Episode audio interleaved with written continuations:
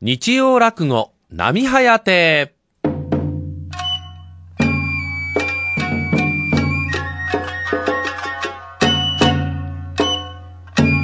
おはようございます。日曜落語、波早亭。関亭の伊藤志流です。今朝もこれからの30分、落語でたっぷりお楽しみいただきます。どうぞ最後までごゆっくりお付き合いください。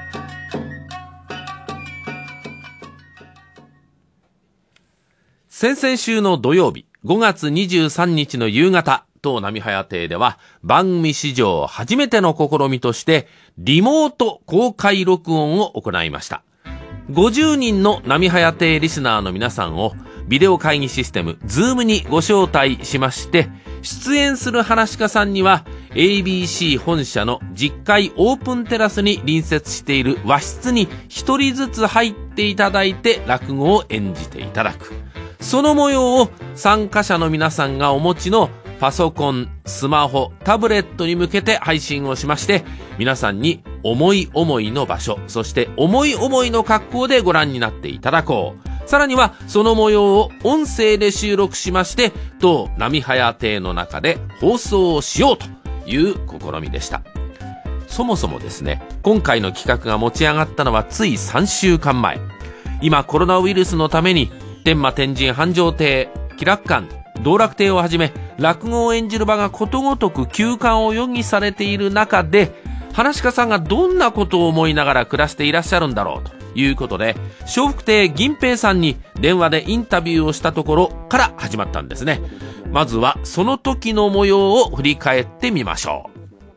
それで言うとね、まあ、ABC ラジオも今できることで何とか工夫して一生懸命やらせてはいただいてるんですけど、やってよ、あのね、はい。話し家がほら、独自に無観客でお家からこう、はいはい落語をやってません、配信を。えで中には、まあ、そのなんだ、課金制度とかで、ちそうそうそうやってるんですよ。すごいな思ってね、えはい。ABC ラジオさんでなんかそんなんやってくれたら、話し家も嬉しいし、それこそ落語ファンが喜びますがな。わかりました。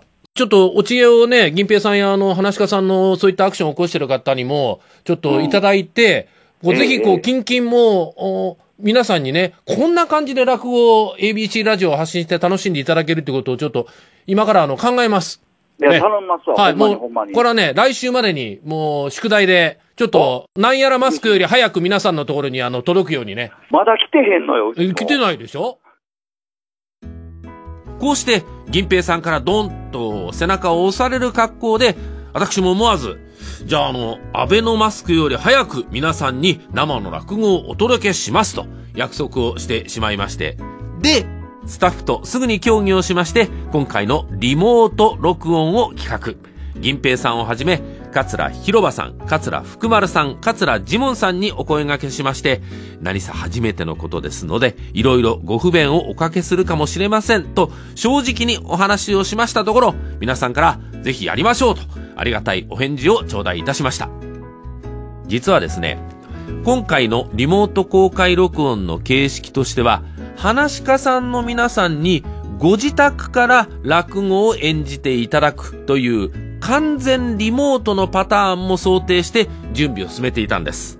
5月21日に大阪と兵庫の緊急事態宣言が解除されたことから今回のような形に落ち着いたということなんです。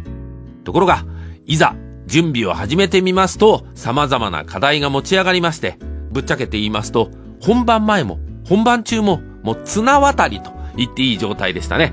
例えば、今回は50人のリスナーの皆さんをご招待したわけなんですが、いざ、ズームにそれだけの皆さんがいっぺんに入りますと、ハウリングと言いまして、音声がこう、キンキンキン、ワンワンワンとこう響いてしまうことでしたり、システムの特性上、どうしても皆さんの笑い声や拍手を通常の録音のように全て拾い上げるということができなかったり、さらには本番の30分前に参加する皆さんにズームに入るリンクとパスワードをメールでお送りしたんですが、なぜか皆さんのところに届いていないまだ届いてないぞというご指摘の連絡もいただきまして、慌てて別の会社のメールアドレスから送り直して事なきを得るといったこともありました。まあそんな吸ったもんだがありながらも、なんとか夕方4時の開演予定時刻を6分ほど過ぎたところで、波早亭のリモート公開録音が始まりました。それではですねちょっと皆さん落語会の前に拍手のお稽古やってみたいと思いますあの会場の落語会もこれやるんですけど本日皆さんからの拍手がこっちへ帰ってくる状況を一応設定しておりましてどのぐらい帰ってくるかテストしたいので皆さんじゃあちょっとお手を拝借準備をお願いします。えー、拍手の稽古拍手お願いします。お聞こえる聞こえる。よしよしよしよしよし。いい感じいい感じ。はい。いいですいいです。ありがとうございます。じゃあですね笑っていただこうかな。作り笑いで。おせいきますよ。せーの。わははは。あいい感じいい感じいい感じいい感じ。よしよしよしよしよし。ありがとうございます。OK です。OK です。そしてトップバッターのジモンさんから始まりまして福丸さん広場さん銀平さんと順番に落語を演じていただきました。話し家さんには講座に上がる前と熱演を終えた直後にそれぞれインタビューをしております。ではお待たせいたしました。今朝はですね今回のリモート公開録音を実施するきっかけとなりました笑福亭銀平さんの落語をお聞きいただきましょう。さあ、えー、本日一人を務めていただきます笑福亭銀平さんでいらっしゃいます。どうもどうもありがとうございます。いやもう黒のね紋付きの羽織をピシッとこう気合い入れて着てきましたよ。本当に気合いほとばしっていらっしゃいます。これは2月22日に松竹座で私の独演会させていただいた、はい、その時100年目をやったのと同じ衣装でございます。わそれぐらい今日は気合を入れてきました、はい、大変でしょ今まあねその実際の通常の会ができないんでね。まあですけどやっぱり話し家というのはみんな今日なんかでもねジモン君ね広場君福丸君と喋っててもみんな明るいね。うんうんうん。本当に。それはねだからなんていうかそこはやっぱり落語という文化がそばにあるからなんですかね、そして本日は何を披露していただけるんでしょうか？ええー、阿弥陀池をさせていただきましょう、はい、ねあのちょっと時事ネタを散りばめた阿弥陀池をさせていただこうかな。じゃあ令和2年版笑福亭銀平の、ね、令和2年も何もこのもう4月5月版といいますか これ ABC さん放送できるんやろうかな。ええ。ー、じゃあ楽しみにしております。はいお願いします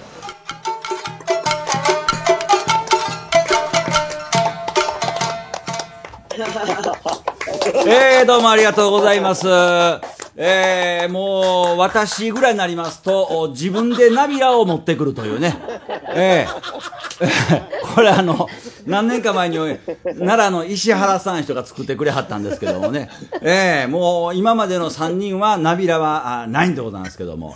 えー、何がおかしいんですか？えー、自分で持ってきたって、ちょうどええでしょ、これね。えー、この辺でいいですかね。いやー、すごいですな。これ皆さんの顔が、あの、モニターにこう映ってるわけですけど、ちょっと私ね、実は目が悪いんで、あの、見えてないんですよ。その、どんな方が、ご覧になられてるのかというのがね。えー、えー、ですね。まあ、せっかくこう ABC ラジオさんもこんな風にね、してくれて、あ、今ちょっとパラパラと変わったけど、あの、どういう方がうんご覧になってるのか聞いてはんのか、私もちょっとしっかりと目に焼き付けて、そしてすぐに忘れたいと思いますんで、えー、メガネをかけさせてもらいますね。屋敷隆人です。どうも。いまいち反応が薄いですね。これ、普段の、普段の落語会やったらもうここで大爆笑なんですけどもね。ええー、うちのことはええからね。ええー、まあまあこの辺にしときますけど、ありがとうございます。すごいですな。大きな大きなほんまありがとうございます。まああの、えー、私で、まあこれラストでございますけど、ここへ来る、う直前かも ABC ついてすぐ私の師匠、あ笑福亭鶴瓶からですね、私の師匠から電話かかってきまして、うん。それで、あもしもしどうしたんですか？言ったら、お前、持続化給付金もろたか？言うてね。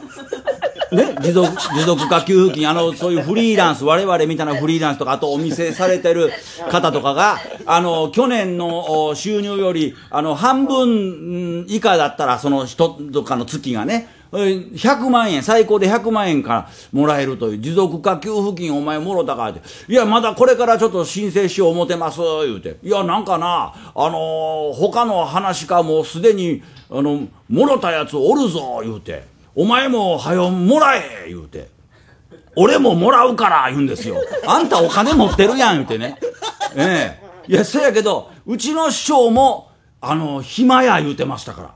あの、笑福亭鶴瓶でさえもですね、レギュラー番組、行さん持ってる、それもうロケに行けないわけですよ。家族に乾杯も、ロケに行けない。もう私入門して32年、あんな暇な師匠見たことない。ざまあ見ろ思いましたもん。ほんまに、暇や暇や、今日も家や、言うてましたわ。ずっとおれ言うてね、ほんまにね。ええちょっと思ったんですけどもね、まあ、えらいことでございますな、ほんまに。えー、えー、この落語会ですが、まあ、私がその、志龍さんに波生えてで電話出た時に、なんか ABC ラジオさんも考えてよって、それは言うたけども、で、なんかそれが進んでるってなことは、えー、聞いてたんですが、実際にこの5月23日に収録、これに私、銀平が出演という正式決定っていうのは、あの、私の事務所、松竹芸能からは何も聞いてなかったんですよ。で、ツイッターでこの間、ABC ラジオのツイッターで出演笑福亭銀平って書いてるのを見て、そこで初めて、え、俺出るんかって分かったんですよ。事務所から連絡なかったっちゅうんだ、ほんまに。どないなっとんねん、ほんまね。ええまあまあ、しかし本当に今はそうやって、スマホであるとか、まあ、えー、パソコンね、そんなんでこの情報がどんどんどんどんと、えー、入ってくるわけですけどもね。ですからこの新聞というものの、まあ役割というのが、あどうも最近は難しいようですが、えー、まあ落語の世界ではやっぱりこの情報源は、あ新聞でございますけども、えー、こんにちははい、さいならこれこれこれこれ。こんにちはとさいならで帰るやつがあるかいな。そんな気の悪いことせんと、上がってったらどないや。上がってもかまへんの？お前しょっちゅううち上がってるがな。うん、気の悪いことせんと上がってったらどないや？ああ、そう、ほな、ちょっと上げてもらいますわ。よいしょと。あんたね、今気の悪いことしないだけど、それやったらあんたの方こそ気の悪いことしな。わしが何を気の悪いことした？しましたがな。あんたな、今そこでまんじゅうかなんか食ってたやろ。え？で、私が来たから、あ取られたらかなわんてなもんで、その新聞の下へガサガサと隠しましたがな。気の悪いことしな。何を言うてんねん。わし何も食べてないや。今な、新聞読んでたんやな。で、そこへお前が来た。人さんが来たのに新聞読んでたら、これは失礼に当たるぞかい。ここへ置いたんや。何も食べてないがな。いや、なんか食ってた。難儀ないやっちゃな、お前は。俺見てみいな。何もないやろあ、ほんまや。いつから手品覚えた手品やないがな。新聞読んでたんや。ああ、そう、新聞読んでたん？へえ。お、そう言うたらあんたこないだも新聞読んでたけど、え新聞ちゅうのはやっぱり読むもんですか？おかしなこと聞くな、お前は。新聞読まなんだら何何するもんや。下駄や弁当包むもん。よんなアホなこと言うてるよ、お前。お前はそういうことを言うてるからいかんねん。な新聞読まんさかいに、世間のこと、大阪のこと、何にも知らんねん。あ、あんた今私を馬鹿にしたやろ。何言うてまんねん、私ね。新聞読まんかて、世間のこと、大阪のこと、何でも知ってます。ほう、偉そうなこと言うたな。ほなら聞くけど、お前、この大阪に和光寺というお寺があんの知ってるか？和光寺知らん。のけから知らんがな、お前。そそんなことない。一緒にいたがな、お前。え？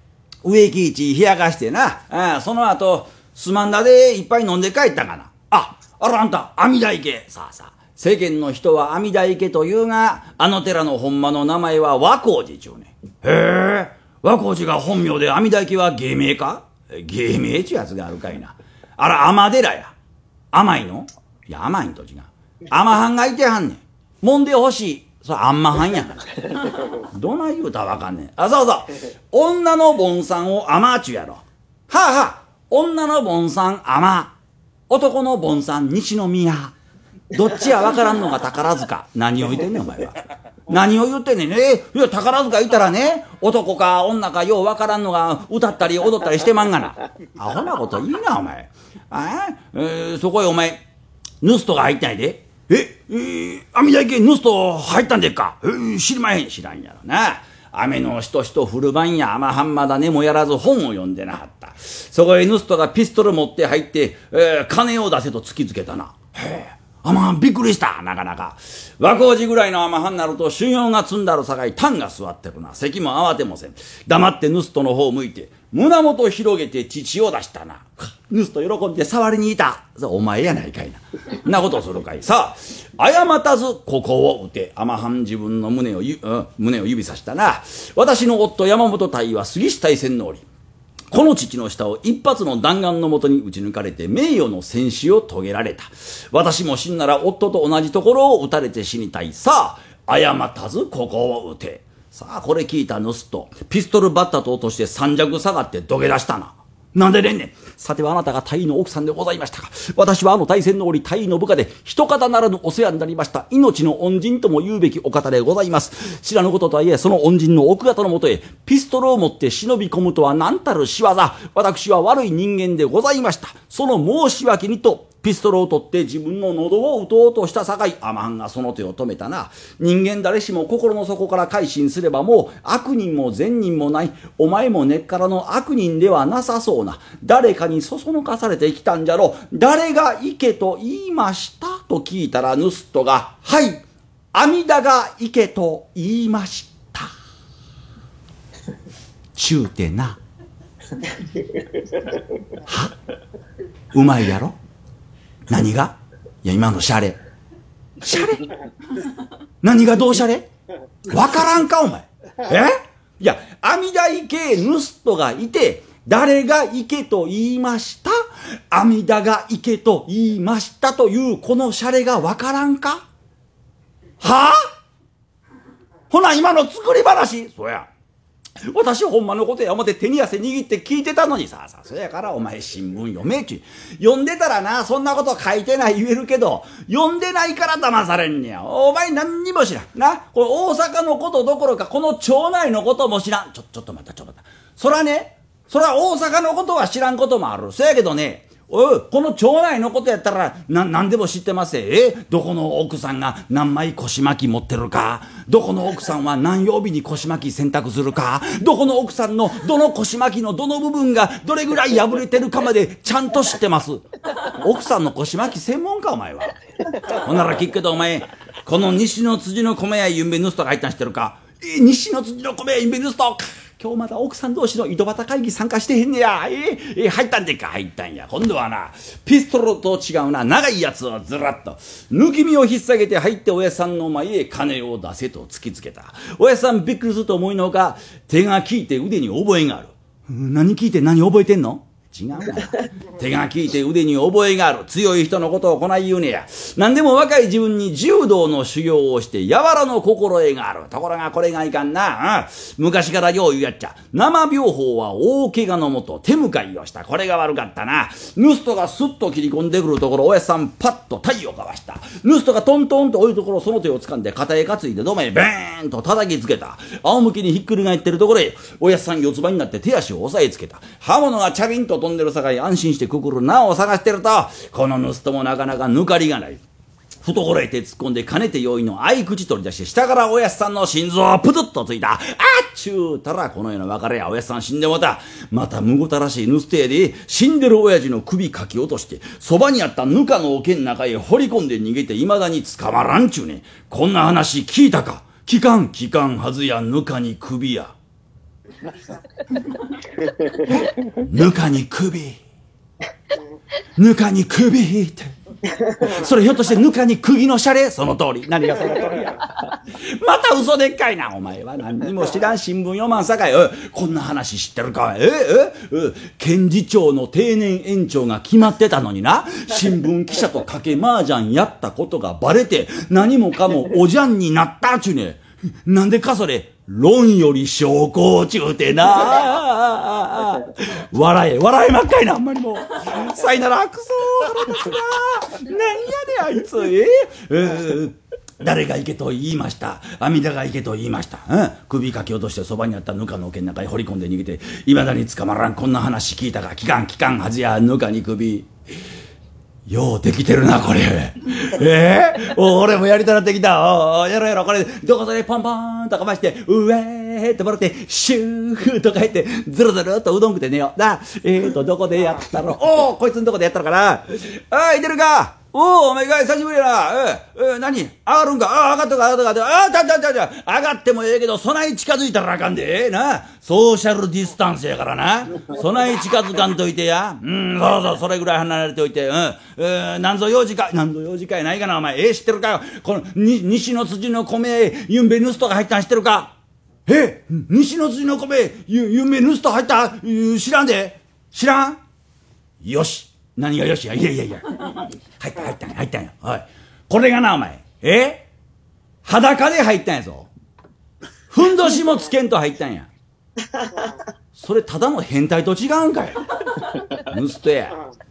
抜き身ぶら下げて入ったんや。何を？抜き身ぶら下げて入ったんや。抜き身ぶら下げて？それはお前刀の抜き身を引っ提げて入ったんと違うんか。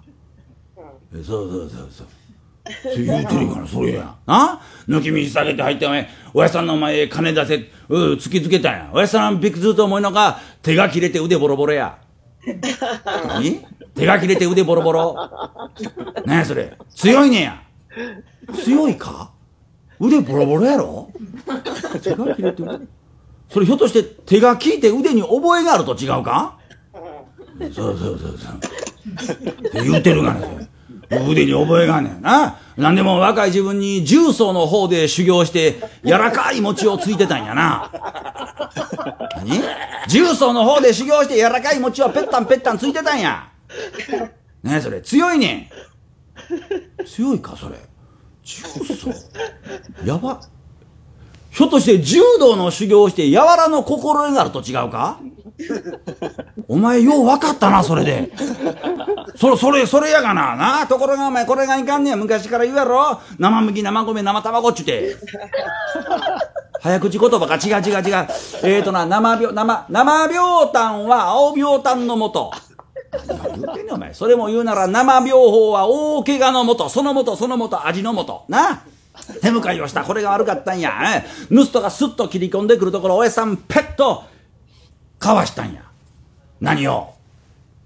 あれ、あれてないや。いや、あの、あれ、あの、西宮。西宮。そ町の名前やで、お前。そそんなもんかわされへん。いや、その西の、西宮にある有名なやつ。甲子園球場、甲子園球場。高校野球残念や。高校球児頑張れよなんか代わりの大会やったってくれそんなことはどうでもいい。な違うわ甲子園球場もっとあの、こじんまりしててな、うん、1月3日間、8日、あの、人がようさん来るとこや。エベスさんか、エベスさんエベスさんが手に持ってはるやっちゃ。魚釣り竿、魚釣り竿。魚釣り竿の先や。手ぐすか、手ぐす。手ぐすの先。ウキウキ。浮きの先や。針か針。針の先。餌餌 なんでじらすねお前は。餌に食らいついてる。赤い大きな魚。鯛か鯛をかわした。ちょっと待てよお前は。鯛言うのにいっぺん西宮回らなあかんのかお前は。タイガーしたんか、タイガーしたんや。盗人がトントンと置いところ、その手を掴んで、肩へ担いで、どめ、ベーンと叩きつけた。仰向けにひっくり返ってるところへ、おやっさんよばいにいた。よばいそんな趣味があったんか？違う違う違う。四つ倍四つ倍。手足を押さえつけた刃物がチャリンと飛んでるさかい、安心してくぐる縄を探してると、この盗人もなかなか抜かりがない。懐へ手突っ込んで、かねてよいのガマ口取り出して、ガマ口そいつは客やったんか？違う違う違う。えっと、え恋口、え船口、岩な、ああいう、あ、あい口あい口。あ、あい口取り出して、下から、おやっさんの安広をプツちょっと待ってくれ、おい。ね、その、安弘って、いや、登る竹を、えっと、あと、あの、ちょっと、そ、そ、総理大臣言うてくれ。吉田茂古いな、お前。最近の総理大臣言うてくれ。伊藤博文、もっと古いわ、お前。初代やないか。そ、総理大臣、田中角栄、まこの、違うって言ってん総理大臣や、海部俊樹、おったな。地味やったな。何したんかわからん人やったな、あの人。いやいや、そ、そ、そ、総理大臣、宇野宗介、おったな。短かったな。69日間で辞めたんやの人な。これで辞めはったんやで。いや、総理大臣やがな。旗務おったな。短かったな。64日間で辞めたんやの人。あの人、袖も短かったで。な。じゃ総理大臣や。村山富市、眉毛、違うちゅうてんの。総理大臣、橋本龍太郎ポマード、違うちゅうてんの。そ、総理大臣、小泉純一郎、感動した、違うちゅうてんの。総理大臣、森喜朗、オリンピックしかないんか、お前は、あんまり。総理大臣、麻生太郎、手を挙げた人に10万円をあげよう。やかましいわ、ほんまに。それが副総理で、な、な、一世帯にマスク2枚しか配らへん。まだ、まだ届いてへんわ、うちお前。いらんけどな。いらんけどな。ああ、責任を痛感してるって全然責任取らへんな。えいいんだ、こんなみんな自粛してる時にお前、嫁はんは花見するわ、旅行行くわ。えそやろ、おかしいやろ。なあ、あのお前、プロンプターがなかったら、物よう言わん。あの、高顔無知の総理大臣がおるやろ。お前言えるやろ？言うてくれ。安倍、心臓、心臓。ああ、心臓。何を言ってんねん、お前は。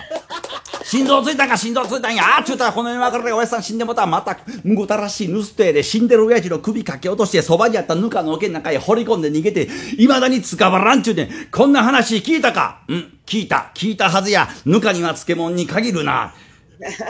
いや、違うがな、こんな話聞いたか今お前に聞いた。聞いたらいかんがな、なんで聞くねん。お前が言うたがな。違うがな。これ聞いたやしに聞かん言わなあかんねん。うん聞かん聞かんはずや。ぬかに首、うわーっと、笑おうと思って。何をしょうもないこと言いに来たんや、え？あ、わかった。これお前の知恵やないやろ。誰が行け言うたんや。あ、それやったら、阿弥陀が行けと言いました。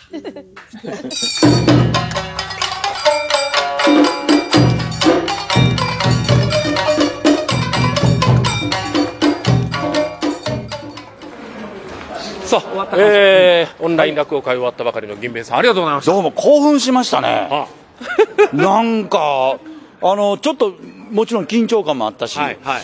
えーですけど、スタートして、はい。網台系ネタ入って少しすると、あのなんか体も慣れてきたというか、はい。うん、でやっぱりお客さんの笑い声が聞こえてくるっていうのが、僕らの励みっていうか、うんテンションを上げてくれますよね。そうですねうん。まあちょっとなかなか厳しい状況ですけど、例えば少しお客さんが入ってこられるような状況になったら、うまくこう、仕組み、こうこれと組み合わせたりとかね。そうそうそう、そうなんですよ。うんあのこれコロナが収束して、普通の開催ができるようになっても、あのこれも併用してね、うんそうすると、遠くの方にも楽しんでもらえるから、はいはい。うん、これは本当にこれからどんどん活用していくべきですね。ねえ。うんうんうん。鶴瓶師匠、ほんまに暇なんですか？暇ですぜ。今日も早から電話あったからね。うん、多分で、これ、お前何時に終わんねん、言うて。はい6時ぐらいちゃいますか、言ったら、ほんならまた電話ください、言うて、どっか今から食べに連れてくれるんかな？あ いいですね。ええということで、本当にありがとうございました。ありがとうございます。どうぞどうぞよろしくお願いします。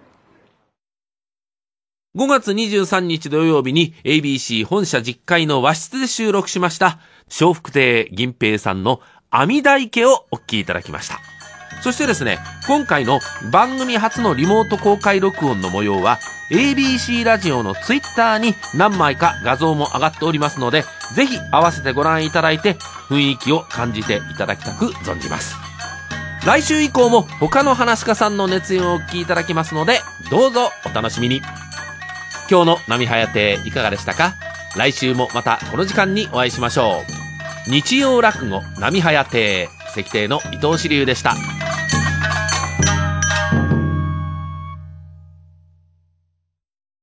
肌の悩みをお聞きします。